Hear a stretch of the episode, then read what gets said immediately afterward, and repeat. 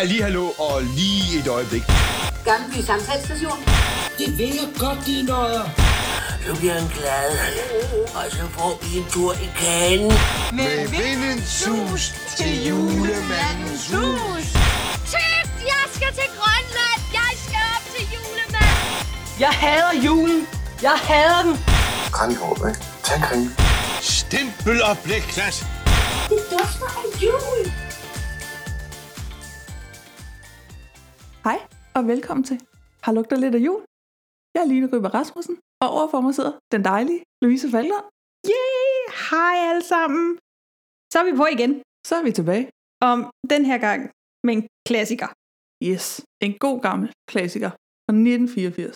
Ja, nu har vi ligesom, øh, nu har vi fået lov til at tage hul. Ej, jul på slottet gik også lidt under. Lidt under klassikere. Ja, det synes jeg. Men, men det her, det er sådan en af dem, hvor man tænker, julekalender. Nissebanden. Det er bare godt. Og så alligevel, ret mig, hvis du synes, jeg tager fejl, så er det sådan en, der ligger lidt under øh, dens efterfølger. Nej, det vil jeg gerne give dig ret i. Nej, det vil jeg gerne give dig ret i. Jeg vil ikke rette dig, men jeg vil gerne give dig ret. Når man hører julekalender, som sådan, nissebanden, ja, nissebanden på Grønland. Nej, nej, der er lige den der. Der er lige den inden, Og lige den første der. hvor, hvor de er helt besat af flasker. Ja. Lyde og dufte og... Og det hele. Ja. Så øh, du er opmærksom lytter, der har trykket på, hvad det her afsnit hedder, som ved, hvad det er, vi snakker om. det er Nissebanden. Nissebanden fra 1984, som jo er en DR-julekalender. Og det sidste, vi tog os af, det var en TV2. Yes. Så nu er vi nået til DR, og vi har fået fat i klassikeren Nissebanden, som er skrevet af Flemming Jensen og Hans Dahl, og instrueret af Per Pallesen. Nemlig. Og det er jo lidt sjovt, at vi har med at gøre en julekalender, hvor at alle tre er inkluderet i julekalenderen. Det er rigtigt. Ja, de deltager alle sammen. På den ene eller på den anden måde. Nogle mere end andre, Ja. ja. må man sige. Men når jeg tænker julekalender, så er jeg altså, så er det det her, jeg sådan er ude i. Med sange og nisser og Bare ja, det hele. Og det er selvfølgelig også... Det er jo også svært at sige, for nu skal vi selvfølgelig bedømme, om vi synes, den lugter af jul.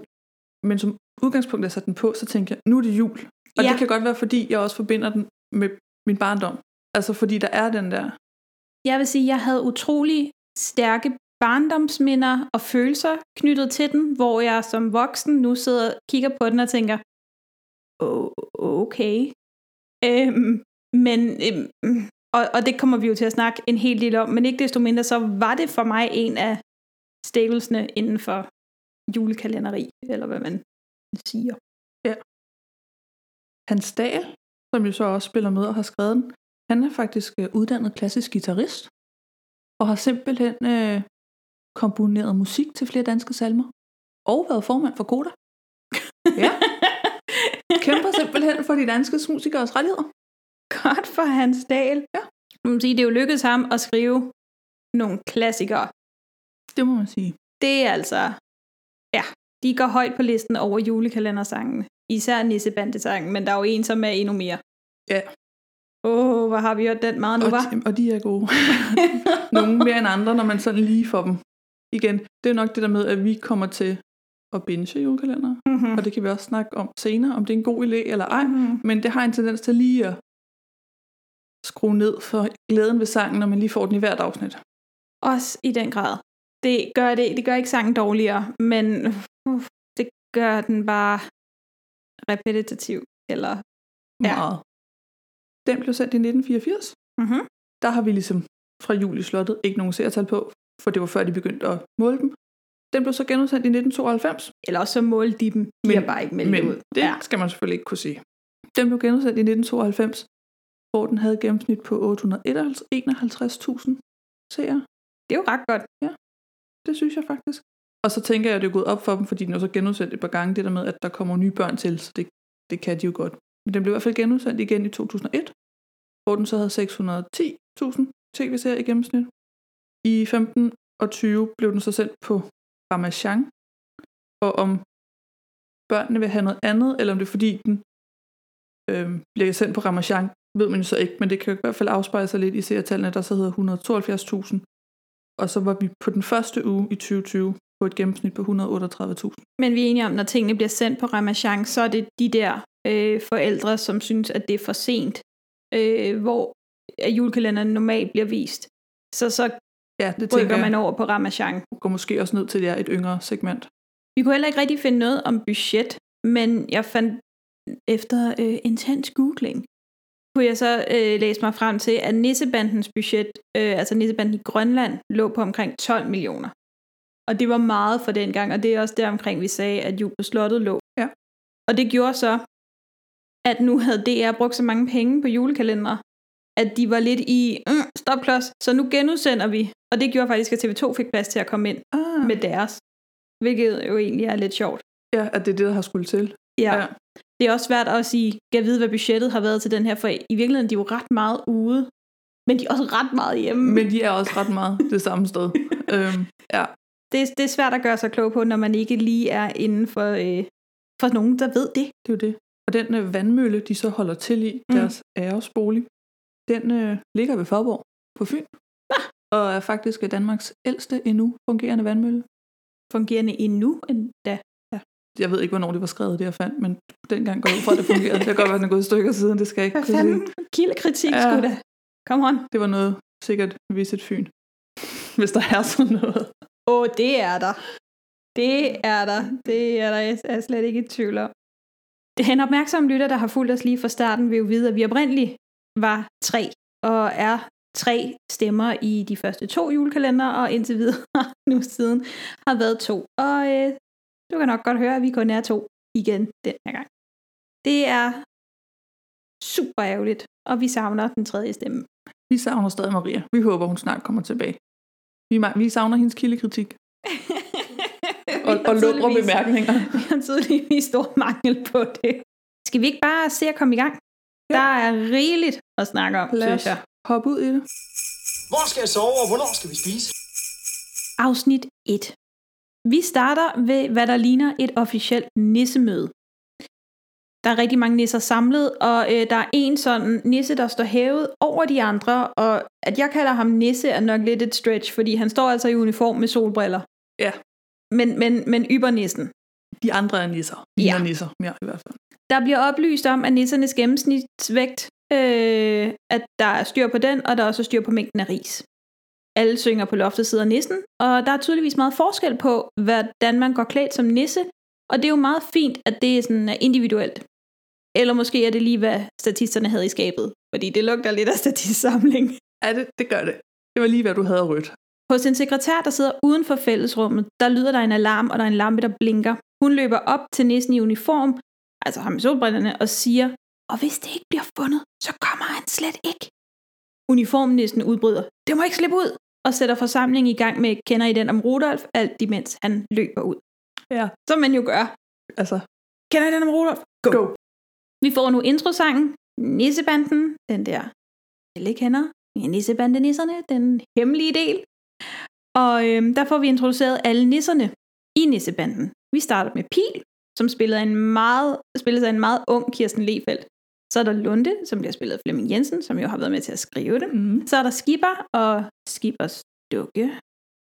Og Skipper bliver spillet af Lars Knudsen. Så er der Gemyse, som spilles af Kirsten Pøjlige, og Herr Mortensen, som spilles af Arne Hansen. Tilbage ved julekalenderen, der følger vi Pil. Hun er skovnisse. Hun er 224 år, og hun melder sig til tjeneste, og har tydeligvis haft rigtig gode karakterer på Nisse-spionskolen. Med kodeordet Risengrød gør godt, får hun lov til at foretræde for chefen. Chef Nissen, altså ham solbrillerne. Herr Mortensen, Gemyse, Skipper og Lunde, de følger efter. Da alle er samlet inde hos chefnissen, snakker de om, at agentnissen Spir, ikke? Spir? Jo. Ja, er pensioneret, og gruppen ikke ved, hvem Pil er. Nissechefen, altså ham i uniformen, han sidder i sådan rent øh, Bond-villain-style og kæler nu med sin and. Eller er det en gås? Jeg har skrevet kæland, men der jeg ikke, altså min fugleviden, den må jeg melde pas på. Men jeg tænkte, jeg vil også have en kæland. Jeg er sikker på, at nogen kan fortælle os, hvad det er. Ja. Han fortæller dem, at julen er i fare, og at nisserne vil få skylden, hvis det ikke bliver løst. Hvilket, by the way, what? Ja, hvorfor? Hvorfor vil almindelige nisser få skylden? Ja, når nu man ved. Jeg har så mange spørgsmål, når vi kommer til det. Ja. Og øh, udover det, så vil det også gå ud over risengrødsforsyningen. Julemandens hovedkvarter har meldt, at julemanden ikke vil komme. Han tør nemlig ikke. Nissebanden anses for at være de- bedste nisseagenter, og de sendes til, hemmelig, til det hemmelige hovedkvarter, vandmøllen nede ved åen. Og så får de hjælp af Julius, en stor Sankt Bernards hund. Nissebanden kører afsted i bil, i slud og sne. Chefnissen fortæller Pil de andres baggrund. Gemyse, hun er kammer eller krammer nisse, alt efter hvilken side du havner på på nettet. Så skifter det lidt, og jeg vil sige, det er en af de øh, scener, hvor der bliver mumlet. Jeg kørte den igennem tre gange, og jeg... Jeg kunne heller ikke høre det, og det var først øh, senere, at jeg fandt ud af, at der var undertekster på min DVD. Ah, Gemyse, hun er godt nisse. øhm, men hun er det hos en rig grosserer i den nordlige egen. Skipper, han er skibsnisse, specialist i uklar sigtbarhed. Lunde, han er pulterkammernisse, og herr Mortensen har lige fejret sit 6 års, øh, 600 års jubilæum. Han er arkivnisse med special tilknytning til den danske krone. Yes. Nisserne ankommer til hovedkvarteret, og det er tydeligt, at de har været der mange gange før. Chefnissen fortæller, at det billede, der hænger på væggen, er unikt, fordi det viser julemanden med hans kæreste ejendel. En lille pose i siden, som indeholder hans gode humør. Julemandens gode humør er blevet væk. Chefnissen fortæller nissebanden, at sidste år, da julemanden var hos dem, der gik der hul på posen, og humøret dryssede ud.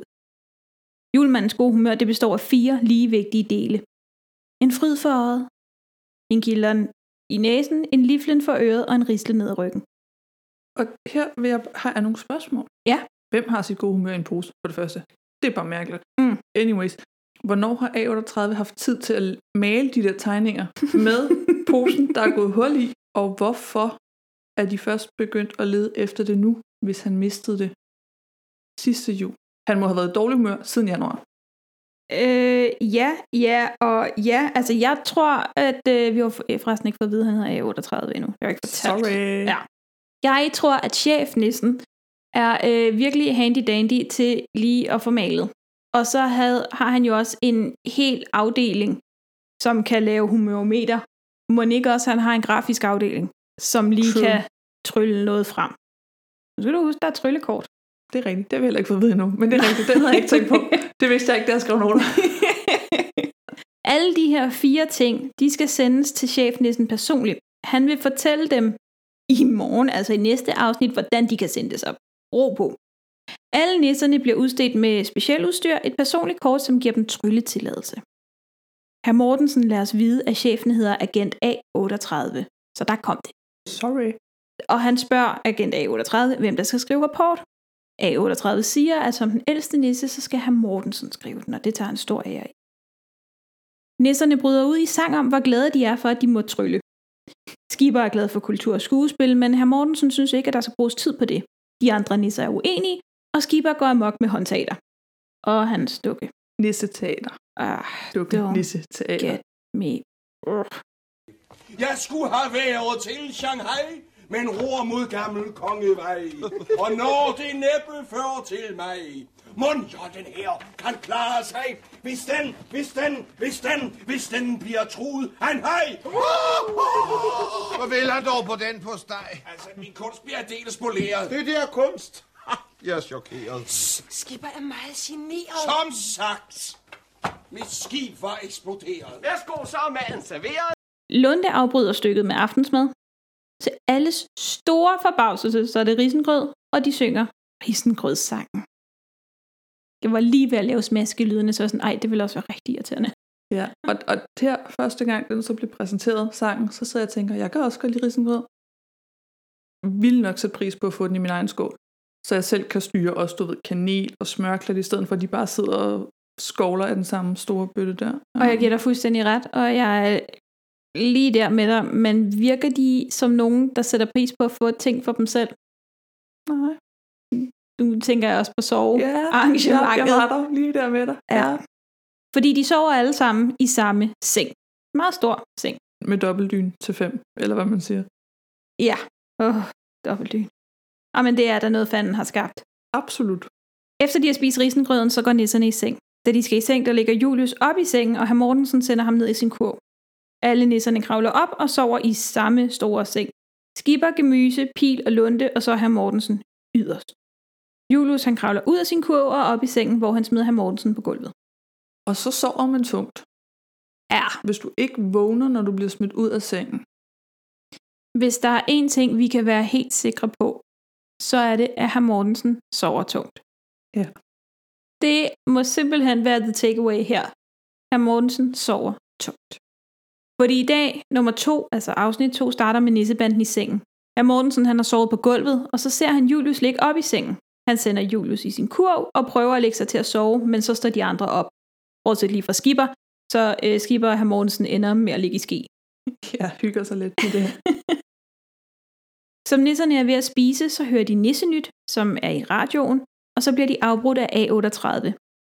Han viser dem det mest hemmelige sted i nissernes æresbolig. Det er kun herr Mortensen, der har set det før, hvilket igen, det er vildt underligt, når de andre har været der før, bortset fra Pil. Ja, for de kendte alle sammen gamle spir, som Ja. var gået på pension. Her, der står den gamle sender. De skal opsamle en af de fire ting i en magisk brun pose. Posens indhold hældes på flaske. En flaske vel at mærke med det rigtige mærke, der svarer til de fire plancher, som A38 så fint har hævet ned inde i hytten. Og så kommer der en prop i flasken. Flaskeposten, altså maskinen, virker med vand fra møllen udenfor. Flasken sendes via åen til A38's hovedkontor. Maskinen fungerer kun, når der er vand i åen, og det er der kun så længe der er rist øverst i timeglasset. Hvem har ansvaret for at komme og vende timeglasset på det rigtige tidspunkt? Fordi hvis det bare handler om, at der er ris nok øverst, så kan du bare vende det senere. Og jeg tænker, i forhold til tidevandet, så er det heller ikke samme tidspunkt hver dag. Jeg hører, hvad du siger, men jeg synes, at du glemmer magi. De magiregler kan vi også snakke om på et andet tidspunkt, fordi er der nogen, der kan trylle på afstand? Og så, eller? Ja, og maskinen den fungerer ved, at man drejer på to håndtag. Ja. Noget med den ene vej ud, og den anden vej ind. Ja. Whatever. Så den er sådan meget, den fungerer kun fordi der er vand, og meget mekanisk på den måde. Der er ikke noget trylleri i den. Nej. Så jeg kan godt forstå, at du er lidt panitten omkring det teamglas. Jeg er i hvert fald undrende. Altså, det er jo en fin nok præmis at sætte op. I skal nå det, så længe der er vand i åen. Jeg forstår bare ikke, hvordan de har styr på, hvornår der er vand i åen i forhold til de der teamglas, der jo manuelt bliver nødt til at skulle vendes på et eller andet tidspunkt. Jo, vi har jo flere gange, hvor de kun lige når det med røven i vandskorpen. Går den så på grund, eller har man så ilagt? At den kan nå at komme frem. Ja. Jeg ved ikke. der er noget info, der ikke bliver givet. Jeg vil give det ret. Når flaskerne så når frem til A38, så vil han undersøge dem med hans humørometer. Når det rigtige humør er fundet, vil han sende det til Grønland til julemanden. Herr Mortensen, han tænker, at når nogen har tabt humøret, så kan det være, at der er nogen, der har fundet det og indleveret det til Hittegodskontoret. Så han vil have Julius og Lunde med til politiet. På Hittegodskontoret slår politimanden op i en stor bog for at finde ud af, om der er indleveret noget godt humør for et år siden, da herr Mortensen oplyser, at det her det er tabt. Der er dog ikke indleveret noget for et år siden, men for nylig blev der indleveret en hel kasse med godt humør. Politimændene henter det, og det er en masse gak og løjer for nytår, og de kan slet ikke holde ud, hvor sjovt det er. Og de griner, og de griner, og de griner, og de griner. Så Lunde indsamler deres latter i en af de brune poser. Udenfor står Julius bundet til en væg, og der er en gul, en gul dreng. Nej. der er en dreng klædt i gult, der kæler med ham. Da nisserne skal sende latteren, er de lidt i tvivl om, hvilken en af de fire ting det er, de har indsamlet. Lunde siger, at det er en livlen for øren, og de andre de giver ham ret. De sender flasken til flaskeposter, som de har fået fra Løgum Kloster. Ja, det siger sangen i hvert fald. Det gør den. Den sang, Line. Ja. Vi har set dem, alle de her afsnit, over en uge. Jeg har brugt hele ugen på at have flaskesangen på hovedet. Det er sådan en udmærket sang. Ah, om jeg gik med hunden, om jeg svømmede, om jeg løb. Hvad skal jeg have flaskeposter? Der bor nemlig næsten Asger. Han får tømt de fulde flasker. Vil de ikke op? Mister han sit job. Stakkels gamle Asger får en flaske posteprop. Ej, hvor er det irriterende. Nå, det var den, der sad først af alle sangene. Og så også fordi jeg kun kan teksten halvt, så det mm. næsten næsten en flaskepasta. Det, det, det, det koster. Flaskepjasker. Det, det, det. Skide irriterende. Nå. Indenfor, der opfører skipper øh, kuglen i Kuala Lumpur, og bliver afbrudt af Lunde, som er klar med mad. Til alle store overraskelse er det risengrød. Og så går de i seng. Igen. I afsnit 3, Julius har igen skubbet herr Mortensen ud af sengen. Jeg bliver nødt til at sige, det her det er et øh, gennemgående tema, og jeg springer let hen over det med meget få kommentarer Mm-hmm. i afsnittene. Da nisserne står op, finder de ud af, at A38 har siddet ved bordet og ventet på dem. Han har sit humørometer med, som er godkendt af julemanden personligt. Så nogen har jo været op hos ham. Ja, på et eller andet tidspunkt i hvert fald. Ja, Spørgsmålet er jo, har man fået lavet humørmeteret, efter han mistede sit gode humør? Altså, hvornår har man første gang tænkt, jeg må lige, jeg må lige indsamle noget godt humør i en pose? Det kan måle indholdet af flaskerne i hvert fald. Den lyd, som de indhentede i går, den laver desværre ikke særlig stor udsving på humørmeteret, og derfor kan det ikke bruges. A38 anbefaler, at de ikke slår større brød op, end de kan bage, og sige, at de bør starte fra starten med en kilderen i næsen. Og der har det sådan, undskyld mig her A38, hvorfor er det et større brød at få en liflen for øret? Alt det? Ja, det var en lyd, det må være en liflen for øret. Ja, en, en kilderen i næsen. Så synes jeg måske, at det burde være sagt i briefing. Det er bare sådan, Der er, det her det er lidt nemt, så er der mediocre, og så er der hardcore. der er øh, forskel på sværhedsniveauet, og der vil jeg jo sige, at en lyd var nemmere end en rissel ned ad ryggen, for eksempel. Og med risle ned ad ryggen viser sig jo også at være Og jo, the big men, one, ikke? men det virker bare nemmere lige at høre noget, du kan lide, og så tænke, åh, oh, Ja. den tager jeg. Det er godt humør, den tager jeg. Herr Mortensen, han er tydeligvis ked af, at det, han indsamlede, ikke virkede, og de andre nisser, de driller ham lidt. De sætter sig ved morgenbordet og prøver at finde ud af, hvad en kilderen i næsen er. Og de kan heldigvis synge en sang om det, så de finder frem til, at det må være en duft. Gemyse og Lunde synes, at nisseøl må være den bedste duft. Så de tager til Lundes onkel, som brygger nisseøl. Lundes onkel Bierbaum spilles af ingen anden end. Ja, det er så hyggeligt. Åh, hvor blev jeg glad. det var virkelig, virkelig fint. Og så med tysk accent. Ja, det er perfekt. Han var så Kuk, skøn i den kuk, rolle. kuk. Ja, kuk, kuk, kuk. Uh, skøn, og måske lidt for kysseglad. Ja. Det var lidt klart. Men Gemyse, hun tager det i stiv arm. Han viser dem, hvordan de laver nisseøl, og selvom at det er en kæmpe hemmelighed. Og så fortæller han, at øl indeholder nemlig en hel sæk gode ønsker. Det er det, der skaber den gode skum og den dejlige duft. Gemyse, hun indsamler den gode duft ved at narre onklen og hvordan det limer. Så onklen, han vil fejre det hele med lidt jodling, og så løber alle ud af bryggeriet.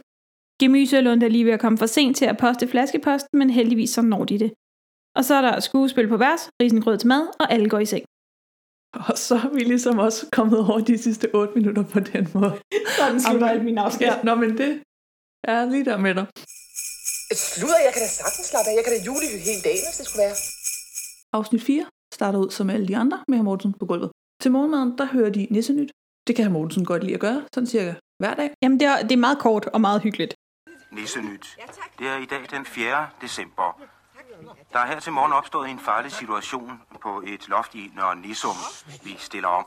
Ja, herfra hvor jeg står, kan jeg se, at på loftet sidder nissen med sin julegrød. Men rundt omkring står alle de små rotter, og de skotter, og de skotter. Også udlændinge med. Men nissefar, han truer med sin store ske, og 1, 2, 3, så er de væk. Tilbage til studiet. Og vejret, der er udsigt til sne, mest i form af nedbør. I vejrudsigten, der siger de, der er udsigt til sne mest i form af nedbør. Jamen, er det ikke meget dansk? Jo, men hvis det ikke er i form af nedbør, hvordan er der så udsigt til sne? Det var bare det, jeg tænkte. Fordi mine tanker går et meget anderledes sted hen. Åh, oh, men du ved jo godt, at i øh, på min skole, da vi havde naturgeografi i mit gymnasie, så slikkede vi på sten. Jeg kan ikke, jeg kan Sådan noget ved jeg ikke. Jeg, jeg undrer mig bare over formuleringen. Dagens mission er jo stadig at finde julemandens humør. Så Skipper, han vil lede efter en fryd for øjet, og tager Lunde og Pil med ned på havnen. Ja. Ja, han vil nemlig have, at Lunde bliver tatoveret på maven. Oh Det my god. er der en fryd for øjet. Nå, men som to tatoverede mennesker, kan vi da også godt sige, at vi synes, at tatovering er en fryd for øjet. Jeg, nu, nu bliver jeg bare rigtig gal. Ja. Jeg synes, det her afsnit er modbydeligt. Jamen, det er det. Det er så ubehageligt. Det er overhovedet ikke i orden. Det er et overgreb. Et kæmpe, kæmpe overgreb på Lunde. Men også ideen om, at det skulle kilde at få en tatovering. Og så den tatovering, han får. Jeg har aldrig set så grim en skål risengrød. Og risengrød er ikke en flot ret. Nej, men alt er galt. Alt er galt med det her afsnit. Lad os sige, snakke om, når vi kommer til det. Lunde, han smiler bare, indtil han hører, at den der tatovering, det foregår med en nål, og så synes han, at Skipper skulle få en i stedet for. Det skulle man jo også synes. Men Skipper mener jo ikke, at han kan beundre den på sin egen mave. Men så kunne han jo få den et andet sted. Så man får ikke tatoveringer for ens egen skyld. Jo, jo, men hvis han tydeligvis ikke kan se den, så er det måske ikke en fryd. Altså, jeg er jo enig med, at han kan bare få den et andet sted. For skulle eksempel, han har jo en på armen i forvejen. Som han er meget stolt af, som han snakker meget om. De tager til Nyhavn og øh, går ind hos Tattoo Jack. en meget kendt tatovør. Og til at foreslå Skipper, at Lunde skal have et skib på maven, men Lunde siger, at hvis han skal have noget, så skal det være risengrød. Hvortil Tattoo Jack siger ting som, øh, jeg har ikke lige en skabelon, men jeg kan godt lave den i frihånd, så er det på eget ansvar. Nej. Ved du hvad? Nej, kan jeg så få den i frihånd på et stykke papir, inden du du sætter den på min mave. Tatoverer mig, fordi det er jo så her, at hvis vi ser bort fra, at det jo sådan set er et overgreb, at skipper og pil holder Lunde nede, mens Jack tatoverer. Altså Ja. det er sådan, lidt, sådan som Lunde spjætter og hopper, fordi det åbenbart kilder. Burde ikke give det udfald i tatovering, han får. Det kan godt være, at det er en grim skål risengrød, men den bliver jo ikke præg af, at han ikke har ligget stille. Altså, nej, nej. Nej, nej, altså alle kan jo se, at det ikke er en tatovering. Men, men nej, linjerne, hvor grimme de end er, er jo sådan nogenlunde lige. Men den måde, det er filmet på, der bliver filmet på et tidspunkt på pil, hvor hun står bare og griner. Mm-hmm. Sådan, det, okay. Jamen, det er sådan meget, altså, og jo jo, Lunde griner der med, fordi det kilder, men, sådan, men I, I holder ham nede. Det betyder, at han ikke vil. Lunde griner, fordi det kilder. Ja, ja, ikke fordi det er sjovt. Nej. Og han får nu sat noget på sin krop, som han skal leve med for evigt. Nu ved vi jo så ikke, om han kan trylle det væk, men det bliver i hvert fald ikke sagt som en mulighed. Og Skipper, han når jo også lige at vise Tattoo Jack sin egen tatovering, og siger, den holder stadig, selvom jeg fik den lavet for 283 år siden. Så vi ved, at tatoveringer er permanente. Den Det er kommer rigtigt. til at sidde der for altid. Ja, det, uh, jeg kunne ikke lide det her afsnit. Det kunne jeg godt mærke. Ja. De kommer ud til Julius bagefter, som står bundet udenfor. Der står tre mænd, der har fået øje på Julius' øltønde, og siger, at de låner ham til tønden er tom. Pil, hun tager lige sin trylletilladelse og får det til at smage sæband, og så tager de Julius og løber. Lige pludselig, nede på Nyhavn, var den magiske ja. dreng klædt i gul, som får dem ind i en port, hvilket de der mænd, der løber lige tre meter bag dem, ikke ser og fortsætter med at løbe forbi. Tilbage i Stengrøn viser Lunde sin tatovering frem, som tydeligvis er allerede hele. Ja. Og de får fyldt en pose og sendt den afsted i flaskeposten. Uh, ja, uh, risene var løbet ud. Nå. der bliver filmet på teamklasset, og risene var løbet ud. Nej, Jeg men de sender den alligevel. Ja, ja der, er ikke nogen, der, det, der er ikke nogen, der bemærker det, så det har bare været en fejl. Det har været en fejl, at man ikke lige har fået for jeg har heller ikke bemærket det. Og så kalder Gemyse til Nisseteater, fordi hun har fået lov til at deltage i dag med Mm. skipper, og de spiller ikke det samme stykke, og det er noget råd, som det plejer. Så er der mad, og så er der sovetid. Og. Mortensen ender på gulvet. Hvor vi så starter igen i afsnit 5. Til morgenmaden siger Lunde, at der skal hentes brænde i dag. Inden da, Ja. Der bliver der filmet på nisserne, der ligger og sover. Og altså ja, de ligger sådan, jeg vil sige, pil og gemyse putter sig ret tit ind til hinanden. Mm. Skipper, han, altså, skipper og gemyse ligger tæt, men de ligger ikke og putter på nogen måde. På det her tidspunkt, der ligger pil og lunde, altså holder om hinanden. De ligger ret tit sådan der. Meget tæt. Jeg læser ikke noget romantisk imellem de to, fordi det, det er der ikke. Nej, Vel? det gør jeg heller ikke. Altså, jeg tænker også, det er mere bare sådan lidt, altså, jamen, det ved jeg ikke engang. Venskab, altså, de ligger bare tæt. Ja, men jeg læste også et interview med Flemming Jensen, hvor der blev spurgt til, hvorfor Apil var skiftet ud til Hook mm. i øh, Nissebanden på Grønland. Ja. Og et, fordi Kirsten Legefeldt ikke kunne. Mm. Men to, også fordi, at Pil Hook er en barnenisse, en ung nisse. Så det var bedre at finde en ny en. Fordi at være ung, det er jo et, al- det er en alders ting, hvor han siger, at Lunde kan gå igen i alle tre julekalender, fordi han er tyk. Og det er en tyk nisse ting. Ja. Det var hans ord, ikke Ja, mine. ja, nej, nej, det er jeg klar over. Så Pil er et barn, hvilket vi jo også får vist senere mm-hmm. med den Mhm. goddamn rocketand. Så nej, der er nok ikke noget imellem dem. Det er der ikke. Nej, pointen er, at hun, hun var blevet ældre i Nissebanden i Grønland. Det var derfor, de blev nødt til at skifte hende ud. Jeg tror egentlig gerne, de ville have haft Ja. hende, men han, han var sådan, det, det gjorde ikke noget, fordi Nej, så fik de en ny. ja, så var det en ny ung nisse, der kom til. Men noget af det, som vi har snakket om tidligere, for mig i hvert fald, som skaber julekalender, det er jo kærligheden. Mm. Det er jo romantikken. Og der, der vil jeg jo sige, at man skulle synes, at det var skipper og gemyse, fordi vi ved, hvad der sker i Nissebanden i grøn. Spoiler alert. Ja, det synes jeg måske også lige var vildt nok. Men der bliver ikke lagt op til noget her før meget sent inden. Nej, det er rigtigt. De har en lidt underlig scene i det sidste afsnit, hvor at de sådan øh, knuser kvaster. Jeg, jeg ved ikke helt, hvad det betyder, men de sådan nuller kvaster. Ja. Okay, det lyder også. På nissesprog lyder det nok lidt varmt, der nuller kvaster, men det er, hvad de gør. Ja. Men de ligger jo netop ikke og holder om hinanden, som øh, Lunde og Pil gør. Nej, på ingen måde. Altså, det er sådan meget mærkelige situationer, hvor man tænker, okay, der kunne måske godt være noget i dem.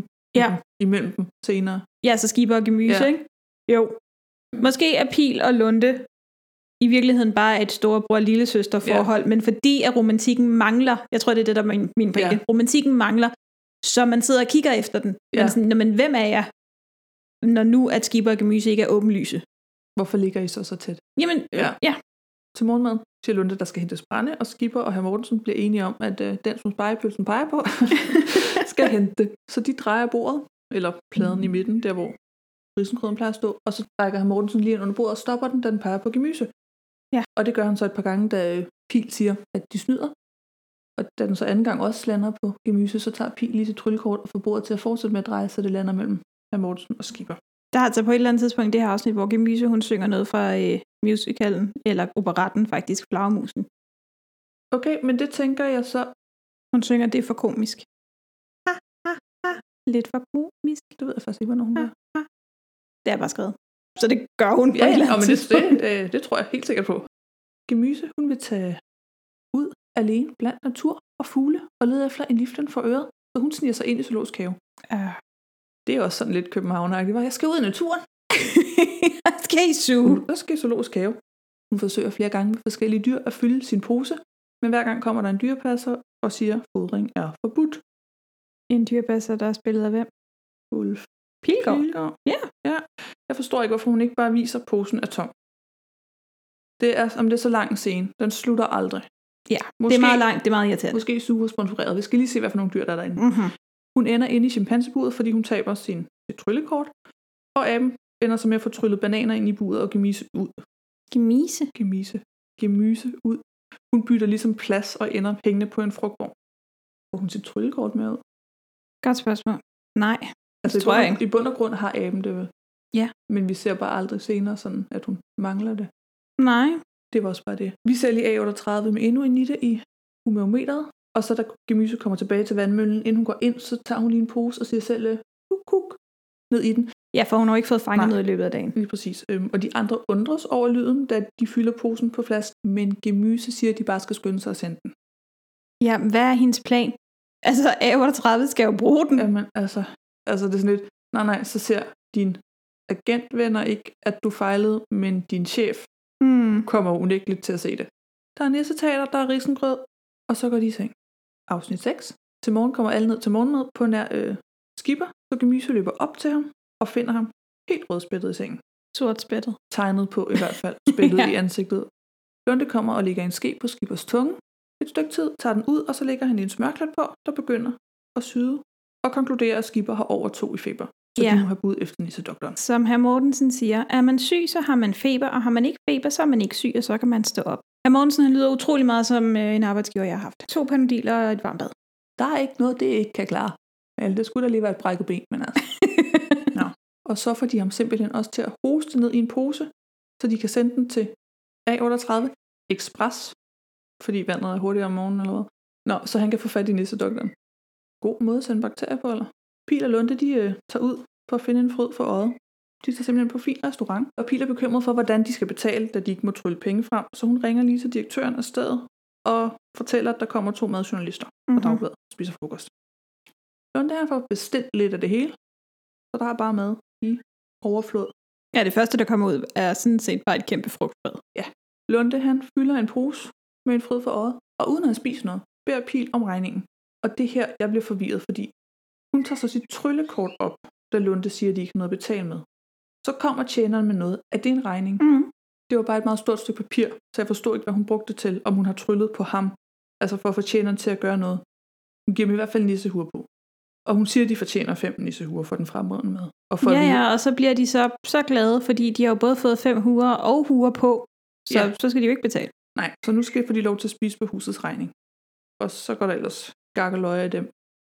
I vandmøllen ankommer nissedoktoren med bind for øjnene, da han ikke må vide, hvor de er. Han ser på skipper, han trykker på maven, han løfter skippers slemmer og konkluderer, at han lider af røde hunde og skal blive i seng i to dage. Med absolut streng, streng faste. Ja, så er der nogle piller, han skal tage. Det er sådan lige en pille for dig, ikke? på størrelse med en Ja, det er bare fedt. Han skal have udtræk af gårdlig og medicin tre gange om dagen. Flaskeposten bliver sendt afsted, men så ser man lige et træ, der vælter og fanger flasken. Ja. Ja, øh, som den sejler der, den der flaskepost, mm. ikke? Der sejler den altså mod strømmen. Endnu bedre. Okay. Men den, de, den er jo sendt med en speciel maskine, så det kan være, at den bare får krudt i røven. Ja. Det, Ja, hvad det- ved vi? Men der vil jeg også give den op for nisserne, fordi de synger jo den her skide flaskeposte-sang mm. hver eneste gang. Men de er rigtig gode til sådan at give den op til hinanden. Det er ja. sådan, tralalala, så er det dig. Tralalala, nej, nu er det dig. Og, og der giver de bare plads. Men på den anden side, hvis de ved, at de skal synge den 24 gange. Ja, der synes jeg jo også et eller andet sted, at det er fedt, at det ikke bare er det samme klip, der er sat ind hver gang. Med, ah. med risengrødsangen. Ja. Det kan godt være, at de ikke nødvendigvis sidder og spiser en, en skål risengrød 24 gange. Men starten af sangen, altså den er optaget flere gange. Ja. Det synes jeg er fedt. Jeg er helt Altså enig. det, det giver lige lidt. Men også flaskepostesangene. Ja, der, dem har de... Dem har Hvis de jeg synes, de er irriterende. Du står og synge dem konsekvent. Skipper er jo syg, så Gemise... Det var da utroligt, hun hedder så myse. Pisse irriterende. Skipper er jo syg, så Gemyse opfører nisetater i dag. Der er mad, risengrød til de andre, kogle te til Skipper. Han gider i hvert fald ikke synge med på risengrødsangen. Nej, det gør han ikke. Og så går de i seng. Ja, og som de ligger der i sengen, så har Skipper ikke længere pletter. Perfekt. Det er ingen kunst at blive begæret, når man har lommen fuld af lokkemad. Afsnit 7. Herr Mortensen er igen smidt ud af sengen, og han er bestemt ikke glad. Skipper er blevet rask. Eller måske han ikke helt er det, hvis der skal arbejdes. Så herr Mortensen og Gemyse sørger for at lave et grødomslag, altså risengrød i gammel sok, mm. som kommer på panden af Skipper. Den skal bare ligge der i tre ugers tid, og så er han frisk i morgen. ja, det var så godt. da de andre nisser er gået ned, så spiser Skipper grøden i sokken, hvilket Gemyse vist opdager. Altså hun ser, han, han kommer ned, og så har han sådan en grød på kinden. Ja, ikke? men også ret klamt. Øh, mega klam. Altså. Fy for satan. Især når vi så senere ved, hvor tit de går i bad. Ja, og bare tydeligvis ikke vasker tøj. Altså, de render rundt i det samme tøj altid. Ja. Da Gemyse, hun skal skifte grød i sokken og lave kogle til. Herr Mortensen skal lave orden i sine papirer, og Lunde skal lave grød, eller skaffe kanel. Så tager Pil afsted alene, men herr Mortensen er ikke helt tryg ved det, fordi hun er så ung. Pil hun tager sammen med Julius i teateret for at se folk og røver i Kardemommeby. Pil sniger sig op på scenen og prøver at finde en glad sang, hun kan få i posen. Men da tante Sofies sang går i gang med ordene, uh, da da, hvor er jeg gal, jeg er så vred og sur, bliver hun skuffet, råber øv, og børnene i publikum griner. Og det gør så, at Pils pose springer lige pludselig. Pil hun tager sig rundt på scenen og laver rod i forestillingen, og det ender med, at hun må flygte og siger til Julius, at de mødes med møllen. Da Pil kommer hjem, fortæller hun, at posen gik i stykker, og der bliver herr Mortensen vred og skuffet. Gemyse hun bliver bekymret, og Pil fortæller, at der gik hul på posen, fordi en af de små drenge i publikum råbte, se en nisse! Hun fortæller også Lunde, at hun har tabt alle sine poser. Så er der skuespil på vers, risengrød til mad, og alle går i seng. Herr Mortensen han binder Julius fast med verdens korteste snor, altså så kort, at Julius ikke engang vil kunne ligge sig ned. Ja, det var så synd. Ja, men fuck it, fordi Julius kommer alligevel fri. Afsnit 8. De andre nisser, de vågner før herr Mortensen, fordi han sidder nu og sovende ved siden af sengen, og han har Julius tønde og halsbånd om halsen. Ja, man må sige, at de er meget sådan opfindsomme. Altså, Jo. det, det er sjældent samme stilling, Nej. at herr Mortensen vågner i. Altså. Julius, han er godt nok en luren drejer med alt det, ja. han kan. De andre nisser driller ham og får ham til at vågne ved at kilde ham med et strå. Der er rapport fra nissemodeugen, og kvasterne skal nu være længere og bukserne mere posede. Gemyse og Pil snakker lidt om nissemode, og Gemyse tænder for musikken, så hun, Skipper, Lunde og Pil kan danse, hvilket Lunde, by the way, ikke vil.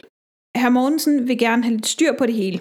Selv Lunde skærer har han hængt i orden, selvom Lunde altså helst vil have dem hulter til bulter. Så herr Mortensen vil tage ud i dag. Han synes, Pil skal tage med, så hun kan lære, hvordan man gør. Herr Mortensen mener, at orden er en fryd for øjet.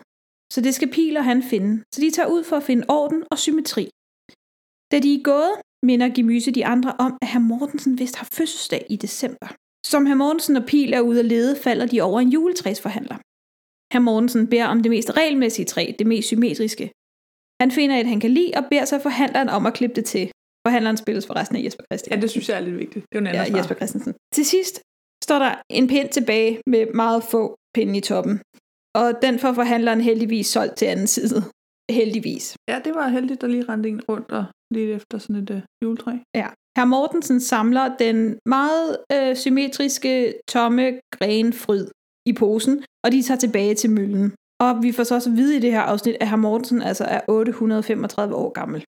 Skuespil på vers, risengrød til mad, alle går i seng. Til gengæld, herr Mortensen giver Julius et kæmpe kødben, inden han går i seng.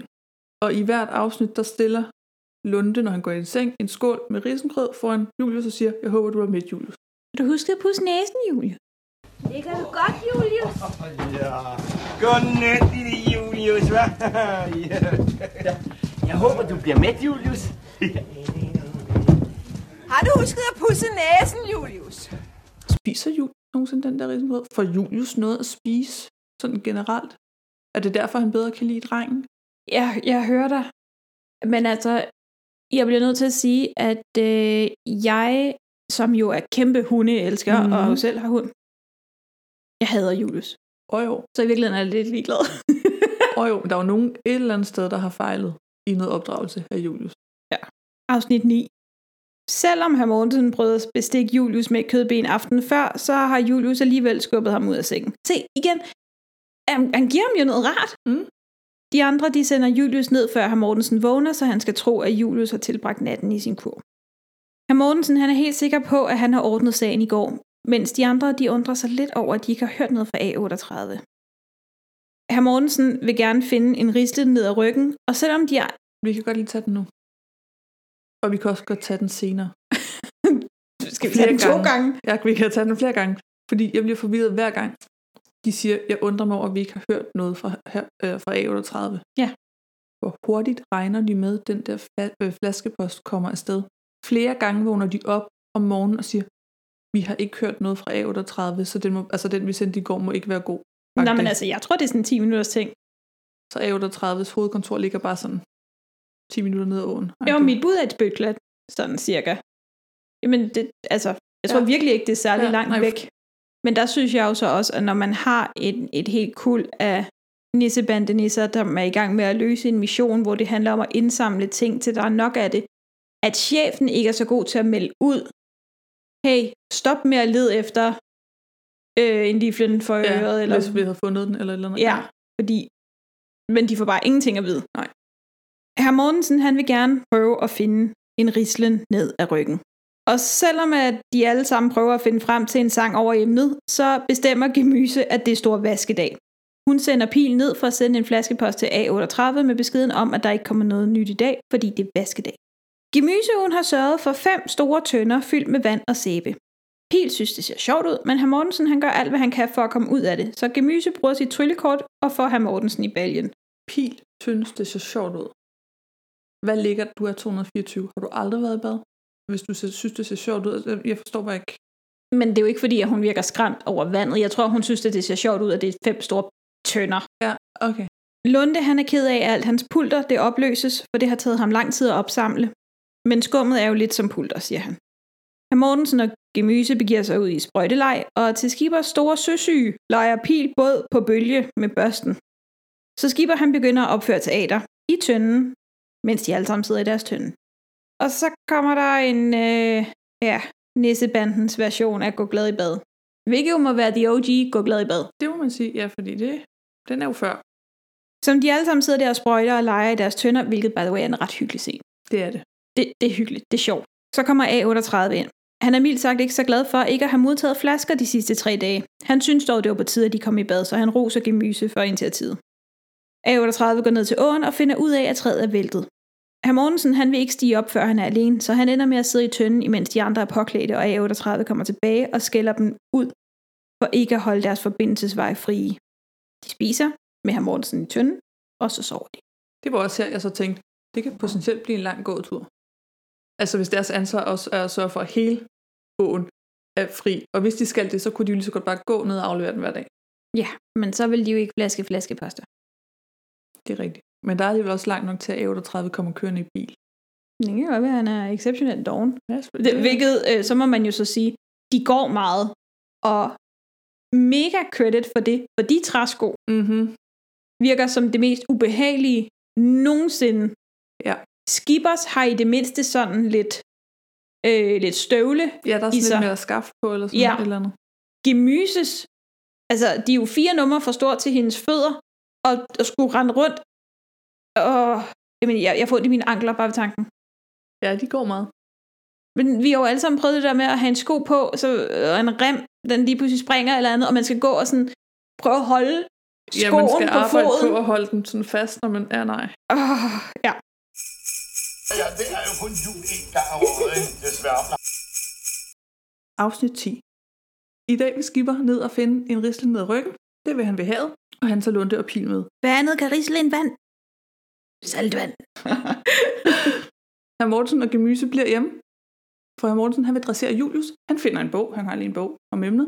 Han prøver med på plads, hvilket jo fungerer, fordi Julius ligger i sin kur, hvor, hvilket er hans plads. Og dæk virker også rigtig godt, for han ligger jo ned i forvejen. Så det er herr Mortensen Lystre skal du sgu. Ja, det er herr Mortensen bare spidse til. Hvilket jo egentlig er lidt sjovt, for det viser sig jo senere, at uh, herr Mortensen er en virkelig dygtig dressør. Ja, og så hvis I ikke ved, hvad det handler om i forvejen, så kan I jo glæde jer lidt til det. Uhu, næste afsnit. Ja. Skipper, Lunde og Pil, de møder nogle vinterbader ved havet. Den der badeanstalt, de nu er på. Anstalt. Øhm, jeg ved ikke, hvad det er.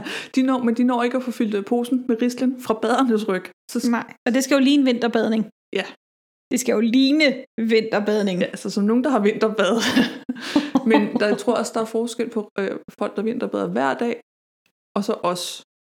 Altså jeg tror bare, folk, der gør det hver dag, måske er lidt mere cool omkring det. Jamen det er jo det, fordi jeg tænkte på, da vi vinterbadede, Line, synes du så, at du fik en risle ned ad ryggen? Eller var det mere en krampe i foden og en kæmpe fortrydelse?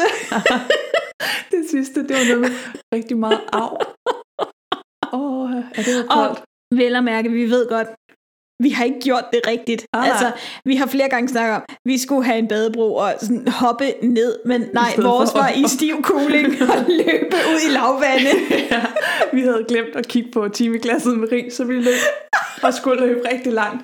Ja, det var Nej, ikke- og så fortsatte det godt med at gå til knæene. Indtil man til sidst må give op og prøve at lægge sig ned, og så vide, der er lige så langt ind. Oh, ja. Nej, rislen på ryggen gav det sgu ikke. men, men en oplevelse var det. Ja. Ja. Nå.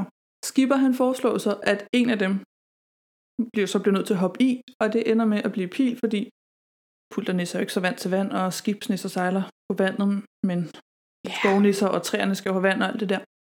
I stedet for bare at hoppe i, så sætter Pil og Skipper sig i en gummibåd og padler lidt ud, hvorfra Pil så hopper i. Med Og på. ligesom, ja. ja. Hun synes, det prikker, men det risler, og så hun svømmer tilbage. Skipper han sidder i den der gummibåd og bliver måske lidt søsyg. Jamen, skipper øh, kan jo ikke tåle at være på vandet. Nej.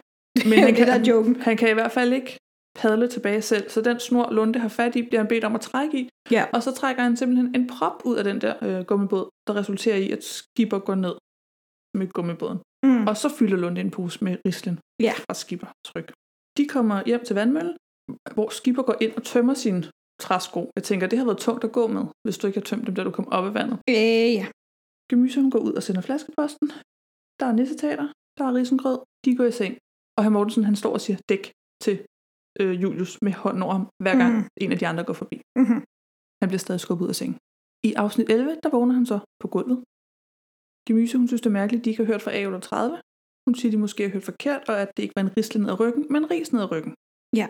Så Gemyse og Pil, de hejser en sæk ris op på overetagen, hvor de sover, og sætter en trakt i ryggen på herr Mortensen, og hælder så ris ud over ham. Ja. Mor sig gevaldigt. De har bare lige glemt at have en pose klar. I mean, you had one job. Uh, uh, ikke? Ja. Skipper vil prøve igen. Øh, herr Mortensen siger nej. Det gik ud på at blive godt humør, og det blev han ikke. Så de skal videre. Nej, og Lunde han er rigtig sur, Ja, Lunde, fordi han er der rigtig er sur. rigtig meget, han har det præcise antal ris, der, der er i den sæk, og, 217.822 ris i sækken. og det skal der være igen. Ja, så Gemyse og Mortensen sætter sig ned og begynder at tælle 1, 2, 3. Øh, herr Mortensen kommer så pludselig i tanke om forbindelseslinjen, forbindelseslinjen og sender Lunde ud for at se, om der er åbent, mens de andre samler risene op. Mm-hmm. Nede ved åen, der stod Lunde så på et tv-hold og en reporter fra Vand og Vand imellem, der laver et indslag om Vand og mand imellem, eller vand og vand? Vand og vand. Jamen, de fungerer begge dele. Ja. Det er jo manden, der forurener, kan man sige så. De laver et indslag om forurening, og de har fundet flaskeposter, og nu har de sat en flaskeopfanger op. Og de ser så Lunde, og får ham lige over og begynder at stille spørgsmål. Lunde, han er jo Lunde, så han får sagt nogle ting, han ikke skal sige, og han ender med at blive kidnappet øh, til studiet i TV-byen. Ja. Til et lille interview. Ja. Lidt, lidt bortført mod vilje, ikke? Og i vandmøllen er de over halvvejs, og Gemyse begynder at blive lidt urolig, bekymret for Lunde, fordi han været væk længe, så hun tager pil med ud for at lede efter ham. Og det er jo så også her, jeg tænker, hvorfor har de brug for Julius som sporhund, fordi ved åen, så kan, hun, kan Gemyse se, at Lunde har stået stille her. Gemyse, hun kan meget. Men hun finder dækspor og Lundes træsko, og de løber mod byen. Hvor de så de får øje på ham på en tv-skærm i en tv-butik. Mm-hmm. Så vand og vand imellem er pludselig live. Jeg forstår ikke. optagelse. Whatever. Ja. Hun siger også, at man ikke kan trylle ham ud. De skal der ind først. Men så ser hun en telefon på bordet. Så hvis hun ringer, og han rører den, så kan hun trylle ham ud. Åbenbart. Og Pil, hun står også og kigger på skærmen, og øh, får så råbt til Lunde, du smadrer flot i farver. Det kan være, hun normalt ser sort-hvid. Ja. Men ja, øh, Gemyse ringer jo så ind til det tv-program, hvor verden faktisk bare tager telefonen og siger, det er til dig. ja. Så øh, kommer Lunde kommer ud, og manden, der købte det meget symmetriske juletræ, der stod og sang i telefonboksen, kommer ind i studiet. Mm. Lunde fortæller om flaskeopsamleren, der er sat øh, tværs over åen, så Pil hun sætter nogle søm eller skruer på flasken, så den lige ikke rammer bunden, men, men flyder tilpas langt under overfladen til, at den ikke... Og der er det jo selvfølgelig rigtig fedt, at man har givet Pil den. Det, er jo- det, det er jo tydeligt, at Pil hun er i ligesom hjernen i alt det her. Ja. Men at hun er sådan, ej, det kan jeg lige regne ud. Ja, men igen, du skal ikke gå over åen for at hente vand. Vel? Nej. Hvorfor ikke bare fjerne den skide opsamler? Ja, som hun gør i næste afsnit. Well. Det tænker jeg også, og så, og så var min tanke, det kan selvfølgelig være, at de kommer tilbage og leder efter den. Altså sætte, og vil så sætte Mm. en ny ud, så på den måde ville det være smartest med Jo jo, men det er jo Sømmen. også irriterende nok at skulle sætte den op igen og op igen og op igen. Jo jo, og det vil tydeligvis også være irriterende at skulle Ja. sætte søm på flaskerne de næste 12 afsnit, så derfor Ja. gjorde vi det. Der er nissetater, der er risengrød, og så går de i seng. Og Mortensen, han øh, går i seng, fordi først i seng for Julius er ikke hjemme. De er ligeglade med den hund. Ja. Drengen kommer og lukker dem ind, efter nisserne er gået i seng. så det er perfekt. Afsnit 12. Eftersom Lunde han ikke fandt nogen duft nede ved åen i går, så tager Gemyse Lunde med ud for at finde en kildren i næsen. Mm-hmm. Inden de går ud, så lægger hun mærke til, at hele huset stinker af røg, og siger, at de andre skal få luftet ud. Pil op der, at det kommer fra komfuret, så øh, Mortensen han hopper op, og kan ikke nå, så Skipper hopper op på skulderen af ham, og Pil, og det er en meget stor skorsten. Ja, Gemyse og Lunde, de havde glemt poserne, så de kommer lige ind igen og ser sod yber alles, og Gemyse hun bliver sur og siger, at det skal de få fikset. Ja. Hvis de ikke gider, så siger hun, de skal. Jamen det skal de også. Ja, det skal de. Altså, det er ulækkert. Det er vildt klamt, og de er fuldstændig måde til i sod. Og der er sådan, næsetøj er noget rimelig krasbørstigt skidt.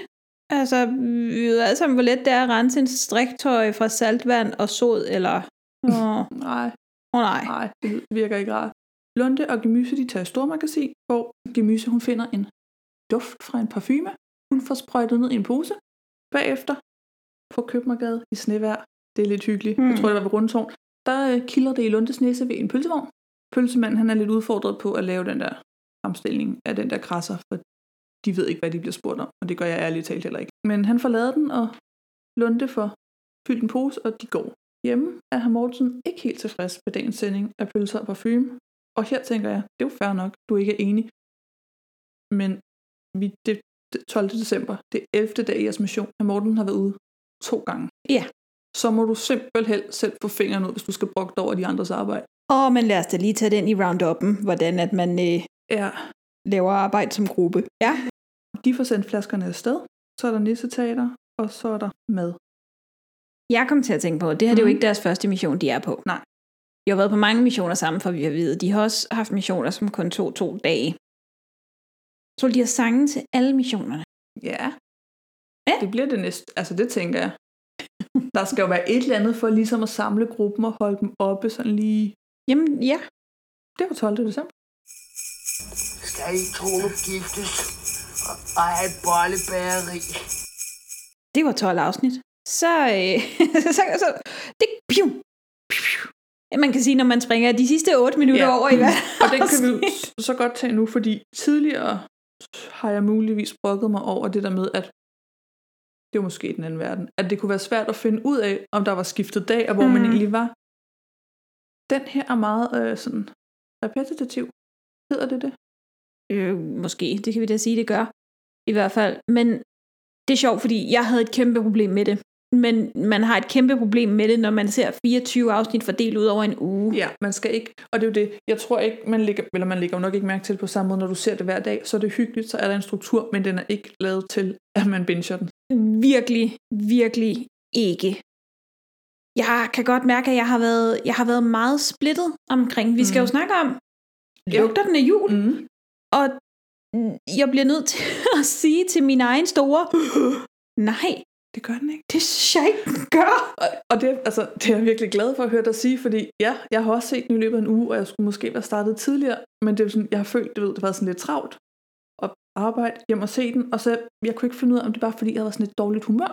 Nej. Altså om det var sådan, gud, er det også bare mig, der er sådan lidt sur lige i den her uge? Altså det, går det ud over var en dårlig uge. Ja. Men nej, nej, det...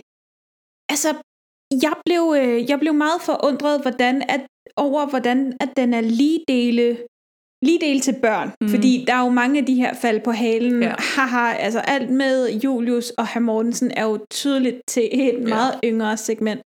Og så har vi sådan noget som Nissenyt. De ting, der bliver sagt der, det er henvendt til voksne. Ja, for- Det er ordspil, og det er leg. Der bliver blandt andet sagt, at nissen på loftet, han bor i Nørre Nissum, Ja. og der er problemer, fordi alle rotterne står og stiger. ja, altså så, læser, så tager man en julesang og læser den op og gør det til nissenyheden, eller hvad man Ja. siger sådan. Altså, Og med et voksen mindset, at det er virkelig sjovt. Ja. Nisseteatret. Jeg synes, det er så kedeligt og ligegyldigt, men det er så velskrevet. Ja, det bedste ved det, det er, at det er på vers, og når herr Mortensen eller de andre bryder ind, så rimer de på det, Ja. hvad hedder det, Skipper altså sidst har sagt og sådan Ja, noget. det fungerer skide godt, men det er hvert afsnit. Og jeg kan ikke forestille mig, at man som barn sidder og tænker, ja, nisseteater, fordi han snakker hen over hovedet på børnene, fordi det er på vers. Og, ja, og det er jo reelt set, altså alle de der gentagelser, på trods af, at der måske lige til sidst der er forskellige måder, hvor herr Mortensen forsøger at få Julius til ikke at gå op ad trappen, Mm-hmm. Så er de sidste 8 minutter af et 20 minutters afsnit det samme hver dag i bund og grund. Altså jo, så er der et nyt nisseteater, og, men, men i bund og grund er det det samme. Ja. Og der er også, for mig kan jeg godt mærke, der er noget, der er noget hyggeligt i, at de står op, spiser morgenmad, mm. øh, nu, nu skal de ud og gøre det her, og så kommer man tilbage, og man gør det samme. Du er helt sikker på rammen. Fuldstændig. Du er ikke i tvivl om, hvor du er, du er ikke i, i tvivl om historien, hvad det er, vi skal, det bliver slået fast med, ja, at hvad det er, vi skal finde, fordi der bliver sunget om det, og det kan vi jo så også snakke om. Vi har jo efterlyst sangen. Det har vi. Og der bliver jeg glad. Ja. Jeg, jeg kan mærke, at jeg bliver glad, men jeg synes ikke, at sangene er julet. Det er de nødvendigvis heller ikke. Men jeg kan godt lide den måde, hvorpå, når de så også, når der er en ny, der synger om, hvad ved jeg, en giften for øret eller den, at der sådan lige kommer noget nyt ind hver Ja. gang, at den sådan bliver lavet til det, de lige tænker, de skal ud og finde, eller eller Det er meget sådan. personligt, ja. hvilket igen er velskrevet. Ja. Og det er også bare dedikation, at så er den bare optaget på ny. Så starter vi forfra, fordi vi kender jo fra Pyrus, hvor at de lige pludselig kan stå i hver sit hjørne af øh, Nissebo, og s- nej, nu skal vi have hyggesangen. Så lige pludselig stod de alle sammen i køkkenet. Ja. Man er sådan, mm, Nej. guys, vi kan godt se det samme optagelse, Ja.